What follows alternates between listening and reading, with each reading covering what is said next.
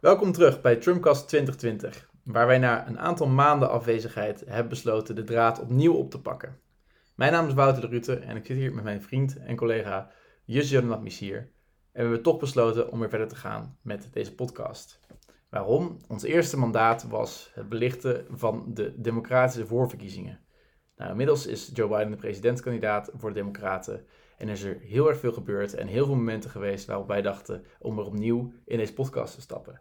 Toch hebben we het afgehouden tot nu. Waarom? Er is onwijs veel gebeurd, maar ook een aantal van onze fans hebben ons gevraagd om toch weer een paar afleveringen te maken in aanloop van de verkiezingen die nu op dinsdag 3 november zullen plaatsvinden in minder dan een maand. Om toch nog eventjes een paar keer uh, duidelijk te maken wat voor overwegingen er spelen bij deze verkiezingen. Nou, zoals we al uh, duidelijk hebben gemaakt, is Joe Biden uiteindelijk de presidentskandidaat namens de Democraten. Joe Biden is natuurlijk een bekende man, uh, Uncle Joe, wel bekend onder, uh, onder Amerikaanse families, is de vicepresident geweest onder Barack Obama. Ja, en dat heeft hem natuurlijk uh, helemaal geen windeieren gelegd. In de zin dat hij heel veel naamsbekendheid heeft, een centristische kandidaat is. mensen zien hem als een, als een christelijke man. die, die staat voor een soort van de oude waarden van Amerika, maar toch een aantal progressieve beleidsonderwerpen heeft. Um, inmiddels is zijn vicepresidentiële kandidaat is Kamala Harris ge geworden. Jus, kan je daar wat over zeggen? Ja, inderdaad, zoals we al in seizoen 1 hadden aangegeven, um, was de kans heel groot dat Harris dan naar voren zou komen als uh, ja, kandidaat vicepresident. Uh, nou, uiteindelijk is zij dus geworden. Een hele goede kandidaat om in ieder geval ook de agenda van Biden uh, door te voeren. qua politieke standpunten zaten ze ongeveer op gelijke voet uh, als, als Biden. Uh, Harris is natuurlijk ook een hele grote naam in, in de staat California, waar ze zelf senator was. Um, daarnaast uh, is ook een van de beslissingen die was meegenomen tot haar verkiezing, dat zij van um, origine en diverse achtergrond heeft. dat was in ieder geval ook om wat meer diversiteit door te voeren in het politieke landschap. Ehm, daarnaast is zij ook in de debatten aan de offensieve kant ontzettend sterk, goed voorbereid, goede punten. Uh, en ze heeft ook eigenlijk ook wel de celebrity status. Als je ook ziet hoe zij ook in de shows naar voren komt. Nou ja, dat is ontzettend sterk wat ze daarin doorvoert. Een iets mindere kant aan Harris is dat ze weer aan de defensieve kant uh, iets minder sterk is. Ze is minder goed voorbereid op kritiek. Uh, dat zag je ook tijdens de aanvallen van Tulsi Gabbard in de democratische voorverkiezingen. Waar ze eind 2019 uh, uit de race moest treden. Um, ja, omdat ze te weinig tegen, uh, tegen weerwoorden of op aanvallen van andere kandidaten voorbereid was. Daarnaast um, ja, staat ze ook bekend als een attorney general, als een echte law and order um, kandidaat. Omdat ze zelf ook wel attorney generals in, uh, in Californië. Nou ja, nu met de huidige Black Lives Matter beweging in Amerika die dat toch wel wat meer richting de linkse politiek op gaat, is dat iets minder positief um, ja, voor Harris. Tegenover Harris en uh, Biden uh, staan natuurlijk Trump en Pence. Um, ja, je, kan geen andere tegenpolen bedenken als het gaat om uh, Biden versus, versus Trump. En eigenlijk ook Harris versus Pence. Als we dan beginnen met Trump. Nou, Trump is natuurlijk een sensatiemaker een van zijn sterke punten. Uh, hij staat bekend als een, als een vechter. Uh, iemand die uh, erg voor gaat. Uh, kan zichzelf goed verkopen. Of het nou waarheid is, is of niet, dat is natuurlijk een tweede. maar hij is iemand die zich goed kan profileren. Hij had in 2016 had goede politieke instincten. Daarom was hij ook naar voren geschoven als kandidaat vanuit de Republikeinen. Wat hij eigenlijk het establishment van de, de Republikeinen ja, eigenlijk verslagen. Uh, in de vorm van Jeb Bush, Ted Cruz en Marco Rubio. Um, dus dat doet hij allemaal hartstikke goed. Uh, maar zijn minderpunten zijn natuurlijk dat hij heel erg onberekenbaar is. Hij neemt soms verkeerde beslissingen. Dat zagen we ook uh, de afgelopen zes maanden of afgelopen jaar eigenlijk al. waar we straks nog verder op ingaan. Ehm, ja, is niet te peilen. Je kan geen vat op hem leggen. Dat, dat kan gewoon eigenlijk gewoon niet. En dat zie je ook nu uh, dat, hij, uh, dat hij toch al veel uh, verkeerde beslissingen neemt. Um, ja, misschien dat jij, Wouter, eventjes kan ingaan op, op Pence. Ja, Mike Pence is de oude gouverneur van Indiana, wat een ontzettend Midwestern staat is. Dus heel christelijk, conservatief. En dat is ook precies wie Mike Pence vertegenwoordigt. Dus waar in 2016 was dat een goede vicepresidentkandidaat uh, naast Trump. Omdat Trump natuurlijk, zoals uh, je zo aangeeft, heel ongeremd was. Heel erg anti-establishment. En Mike Pence daarnaast was een meer traditionele conservatief. Dus iemand die het politieke spel beter begreep. Dus om een beetje Trump uh, in de teugels te houden. Dat is niet helemaal gelukt. Mike Pence is een, is een, is een soort hondje van, van, van Donald Trump geworden. Maar vertegenwoordigt natuurlijk nog steeds de politieke denkbeelden van een groot deel van in ieder geval de conservatieve achterban. Dus sterk, sterk religieus, uh, niet uh, qua, qua, qua waarde voor, voor LGBT en voor vrouwen, allemaal niet te progressief. En, en dat maakt het ticket nog steeds uh, een hele duidelijke traditionele republikeinse twist. Dat betekent verder niet dat de kandidatuur van Trump-Pence nu even sterk is als in 2016. Want het heeft nu een veel minder. Trump is veel bekender. Uh, iedereen weet wat valt van hem te verwachten. Dus de unieke positie die Pence toevoegde aan het ticket is nu veel minder sterk geworden dan het toen was. Maar inderdaad, de Trump-Pence-ticket en het Biden-Harris is, uh, is compleet, complete tegenpol. Of nog los van, van beleid is Trump heel erg ongeremd. Biden juist heel erg, nou, ondanks zijn, zijn misprekingen zo nu en dan, uh, staat hij juist voor, voor een leider, voor een gematigde man, een, redelijke man. Uh, Pence, sterk, conservatief, uh, een man. Harris is een diverse vrouw met, met licht conservatieve of progressieve neiging. Excuus.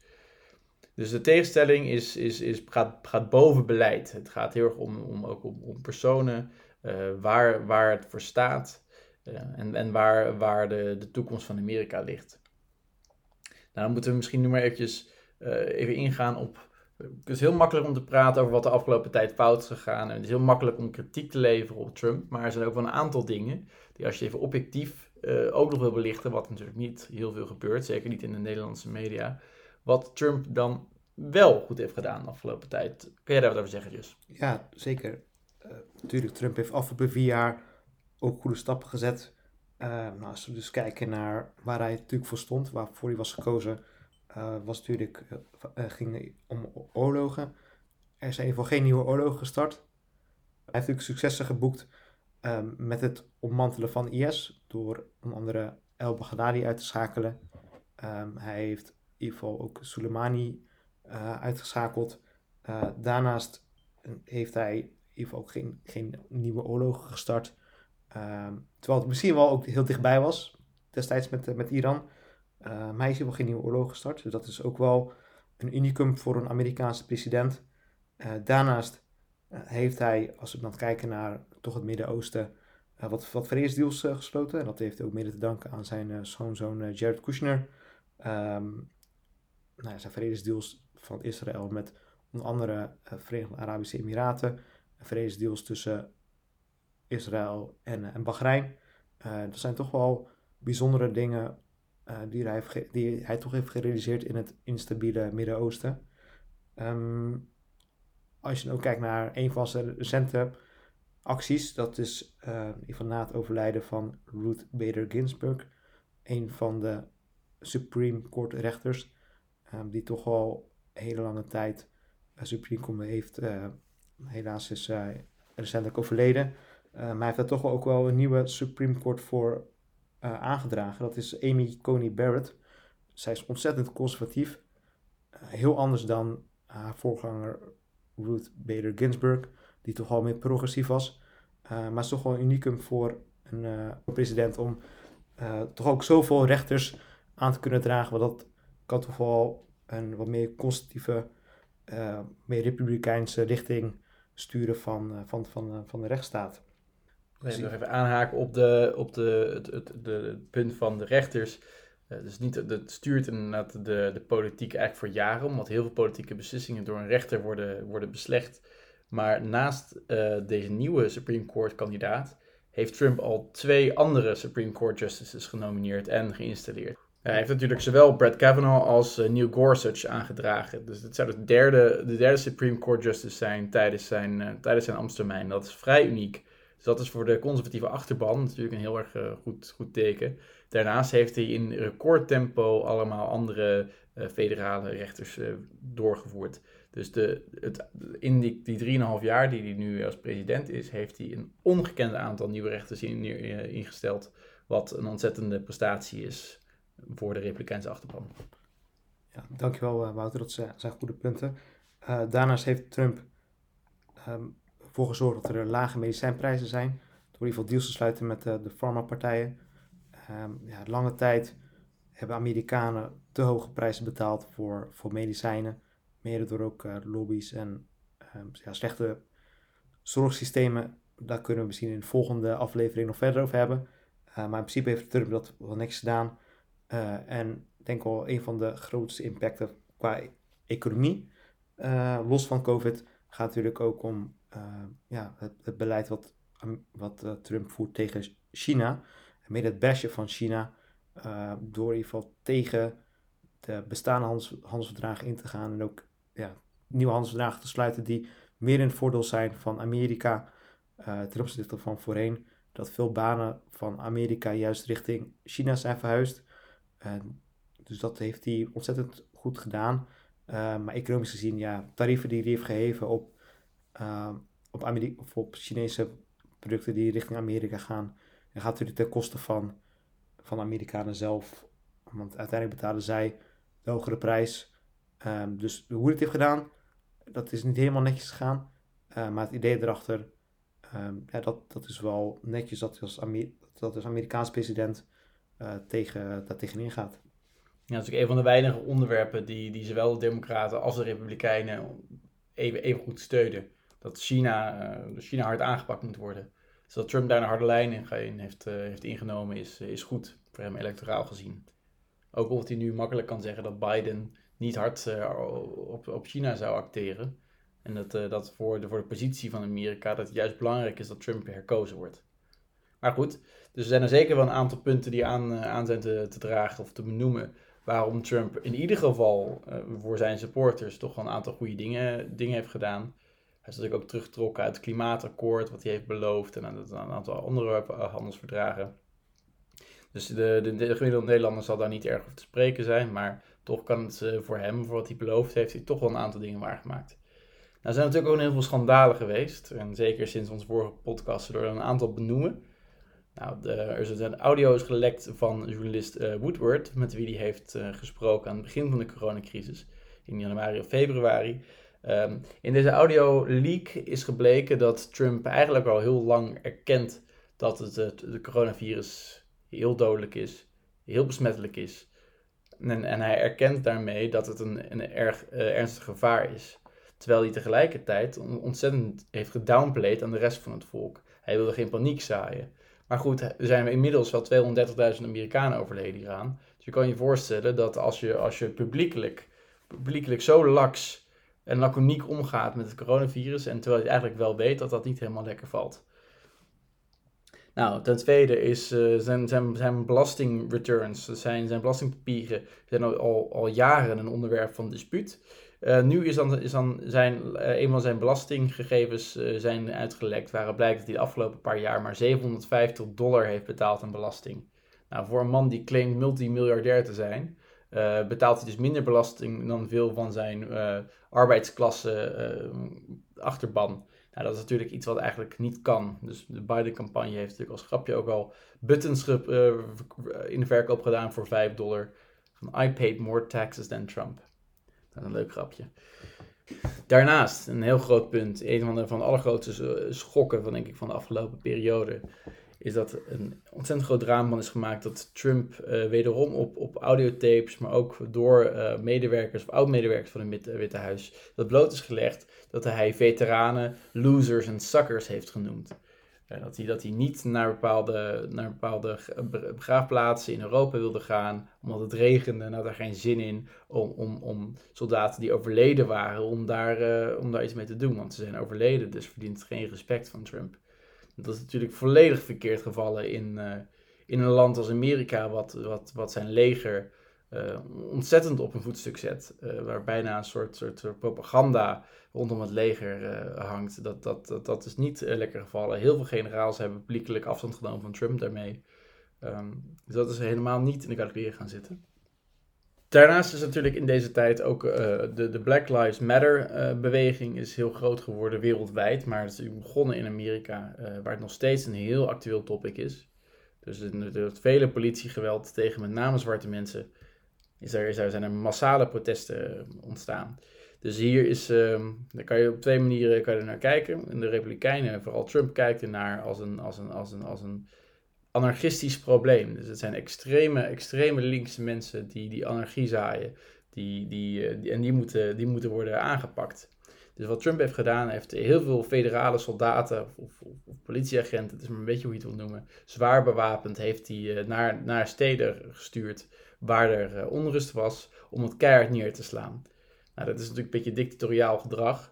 Ehm, wat hem heel veel kritiek op heeft geleverd. Uh, zo, zo, erg dat heel veel uh, stemmers die nog een beetje in het midden zitten, daar heel erg van zijn geschrokken van zijn, uh, van zijn aanpak. Dat er maar eigenlijk maar de, de, de, de hardcore republikeinen, de law and order republikeinen, um, hier maar, maar iets goeds over te zeggen hebben. Maar er zijn, het zijn, het zijn gevoelige onderwerpen die nogal invloed kunnen hebben op, op electoraal gezien. Wat betekent dit voor onze analyse? Wat vinden wij nou eigenlijk? Wat, wat denken wij nou dat er gaat gebeuren in, uh, in drie, op, op 3 november? Wat, uh, wat denk jij, uh, Jus? Hoe, hoe zit dat? Ja, het staat natuurlijk nog best wel dicht bij elkaar als het gaat om electorale keuzes. Nou ja, nationaal gezien staat Biden natuurlijk ver voor op Trump. Dat zijn in ieder geval nationaal gezien, als ik kijk naar het gemiddelde, als bron Real Clear Politics, zijn er toch wel acht punten uh, dat Biden voorstaat op Trump. Uh, maar uiteindelijk worden de keuzes gemaakt. Uh, en uiteindelijk wordt de president gekozen door middel van kiesmannen. En als we dan kijken naar de verdeling tussen kiesmannen, dan kunnen we eigenlijk nu zien dat er van de ja, 270 kiesmannen die er nodig zijn om eigenlijk als winnaar naar voren te treden en het Witte Huis te bekleden, uh, dat er eigenlijk 118 uh, eh, kiesmannen goed als zeker zijn in het voordeel van, uh, van Biden. Toch iets minder voor, voor Trump. zijn er 63 die dus goed als zeker richting Trump zullen gaan.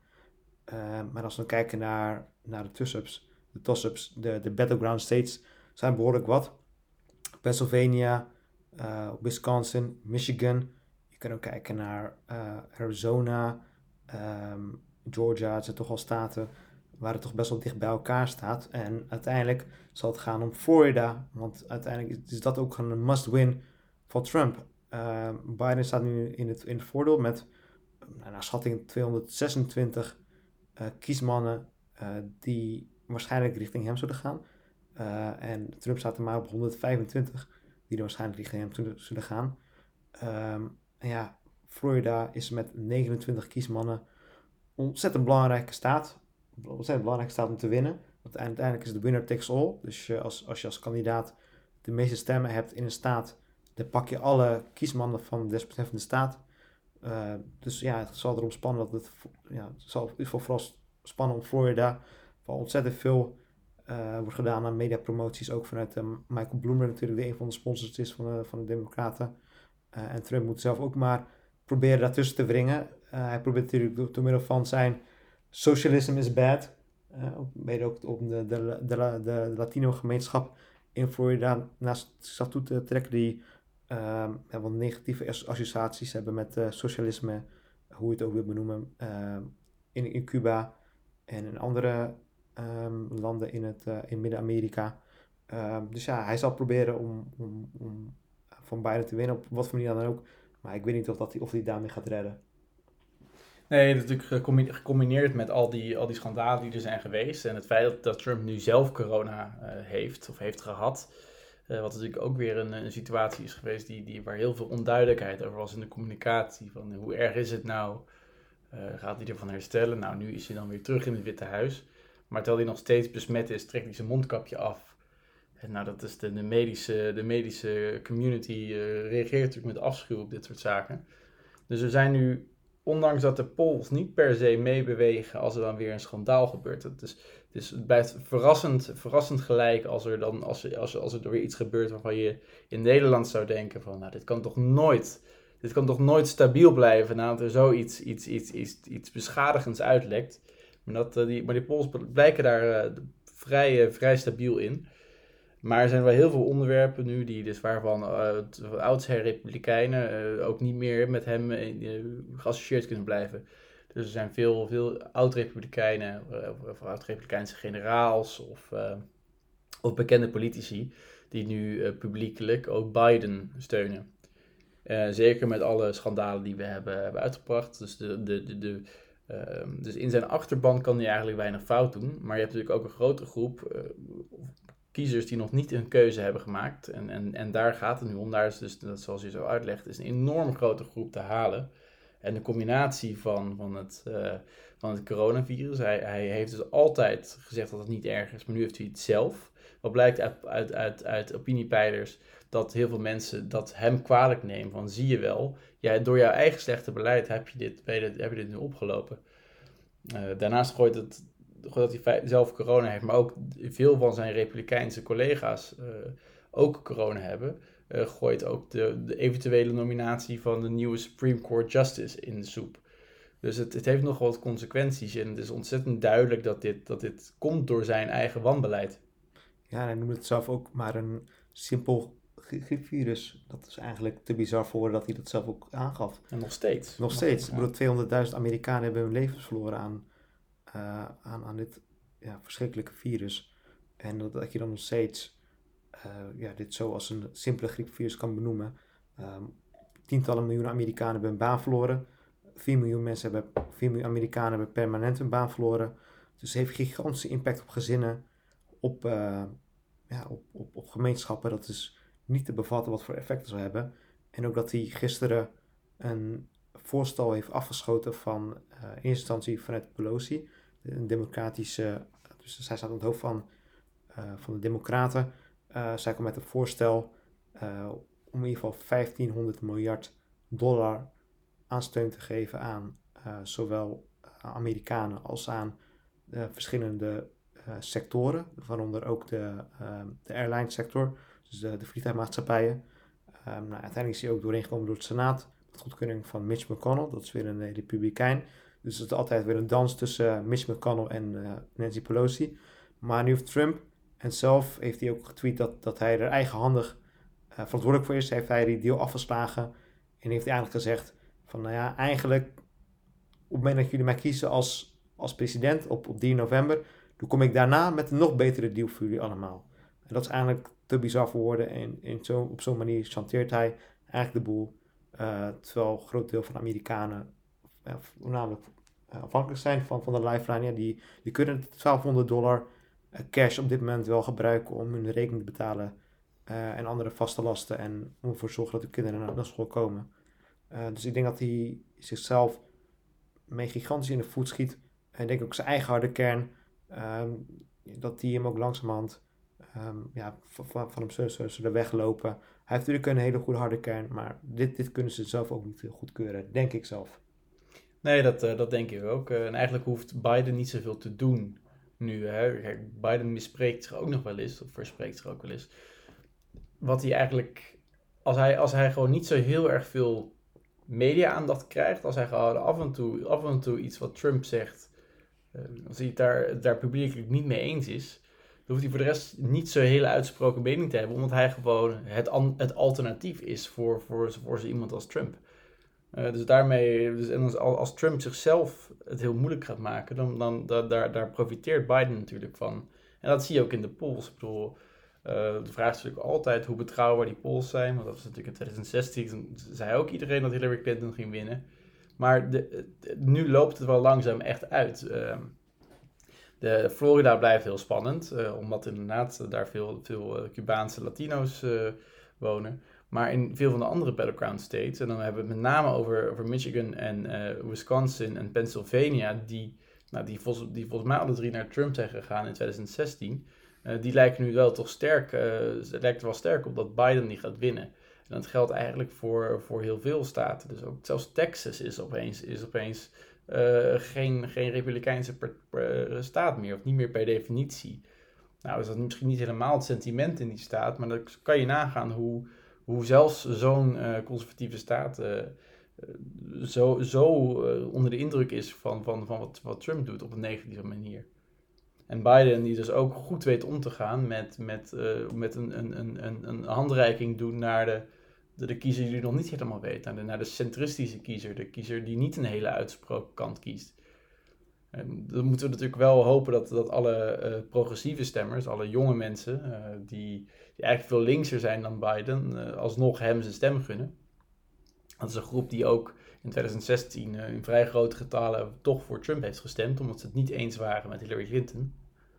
De vraag is of dat nu ook gaat gebeuren en, en, en hoe, hoeveel van de mensen die doorgaans niet in polls worden meegenomen, die vaak voor Trump stemmen, of, of, dat, of, dat er, of die, die, reflectief zijn meegenomen in deze polls. En of dat niet alsnog uh, dus, dus een paar procentpunten positiever voor Trump zal uitpakken dan, uh, dan nu blijkt uit de polls. Ja, precies. Ook een goed punt wat je aanhaalt.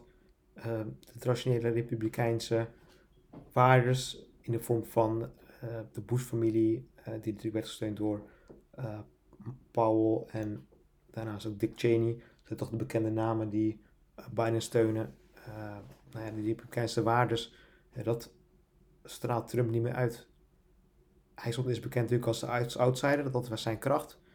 Maar na vier jaar Trump, ja, ik denk wel dat hij uh, niet meer weg kan komen dat hij, dat hij de outsider is. Hij heeft toch best wel wat establishment keuzes gemaakt, verkeerde beslissingen.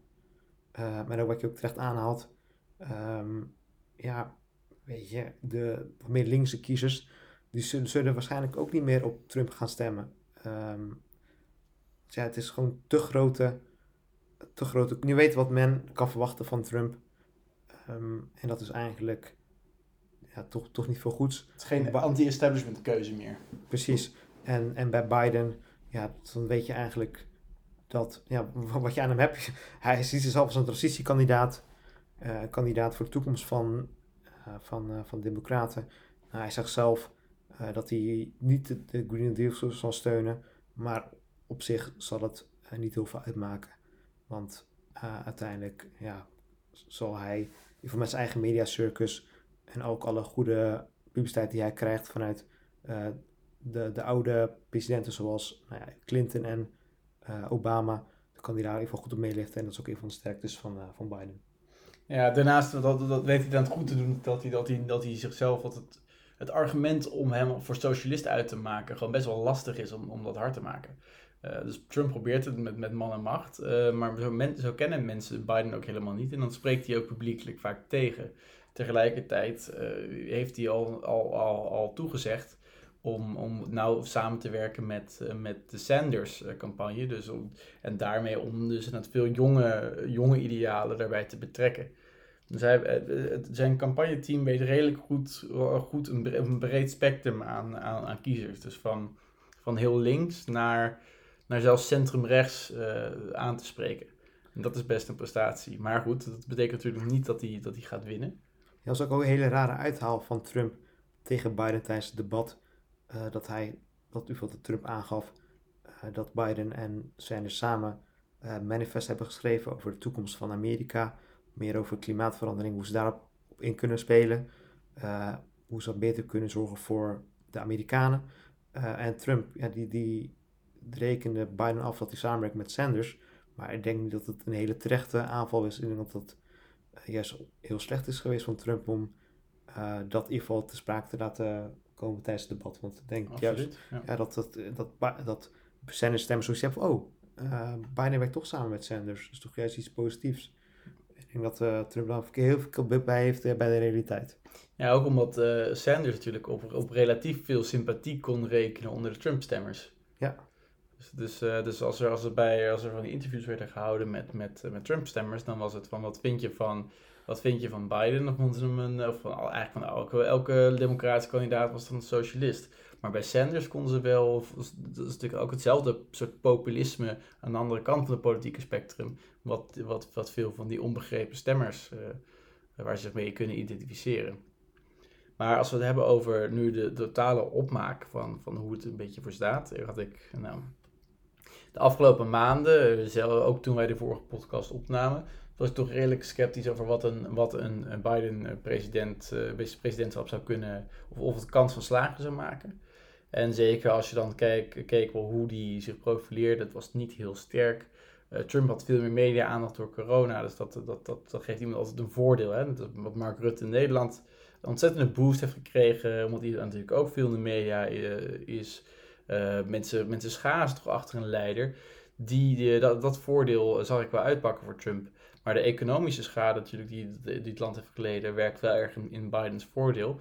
En langzaam blijkt het toch wel echt op dat, dat, uh, dat, dat het, het voordeel toch wel naar, eh, naar, naar Biden toe begint te schuiven. En dat er ook eigenlijk niet zo heel veel verrassingen meer lijken te komen die daar nog, die daar nog een ommekeer in, in kunnen maken. Veel minder dan, dan in 2016.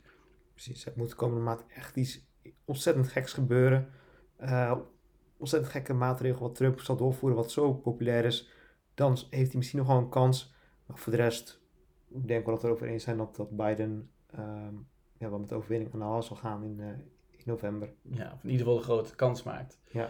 Um, en, zelfs al zou uh, Trump uh, een paar goede, goede besluiten nemen, dan denk ik alsnog niet dat, dat dan zoveel populariteit opleveren. Omdat mensen hebben gezien wie Trump is. En zeker deze afgelopen maanden waren toch wel de allergrootste gekkigheid die we denk ik hebben gezien.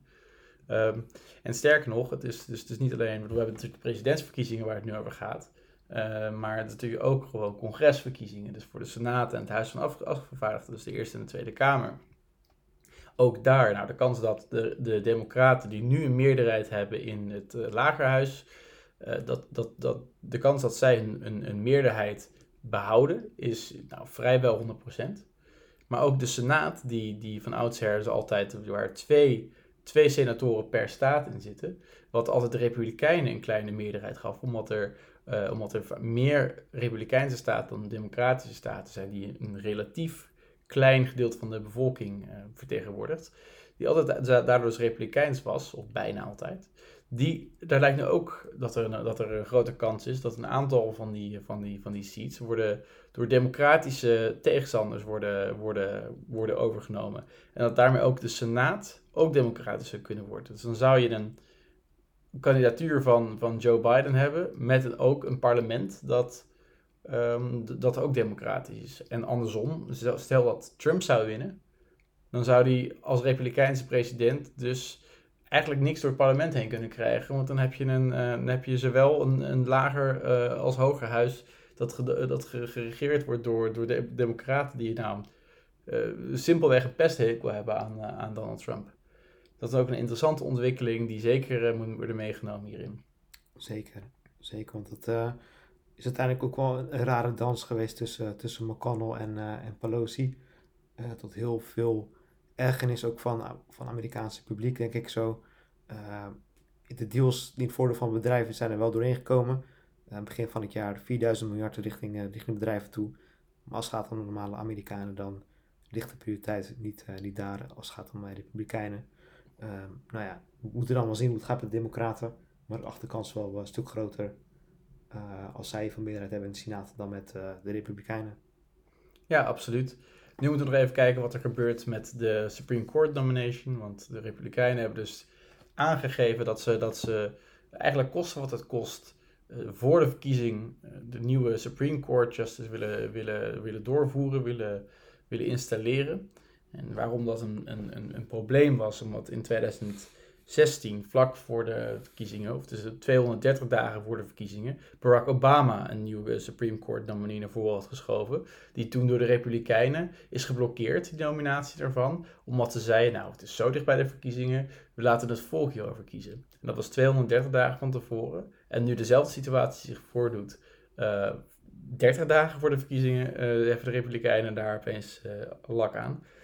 Um, dus het, het, installeren, eventueel installeren van een nieuwe Supreme Court Justice zou ervoor zorgen dat de verhoudingen in de Supreme Court zich van zeven conservatieven naar tegenover drie progressieve uh, rechters zou, uh, zou schuiven. Wat betekent, en omdat ze een, een, een, benoeming voor het leven krijgen, zou dat betekenen dat de rechterlijke macht jarenlang republikeins wordt en dus heel veel uh, democratisch progressieve wetsvoorstellen eventueel voor de rechter nog zou kunnen blokkeren.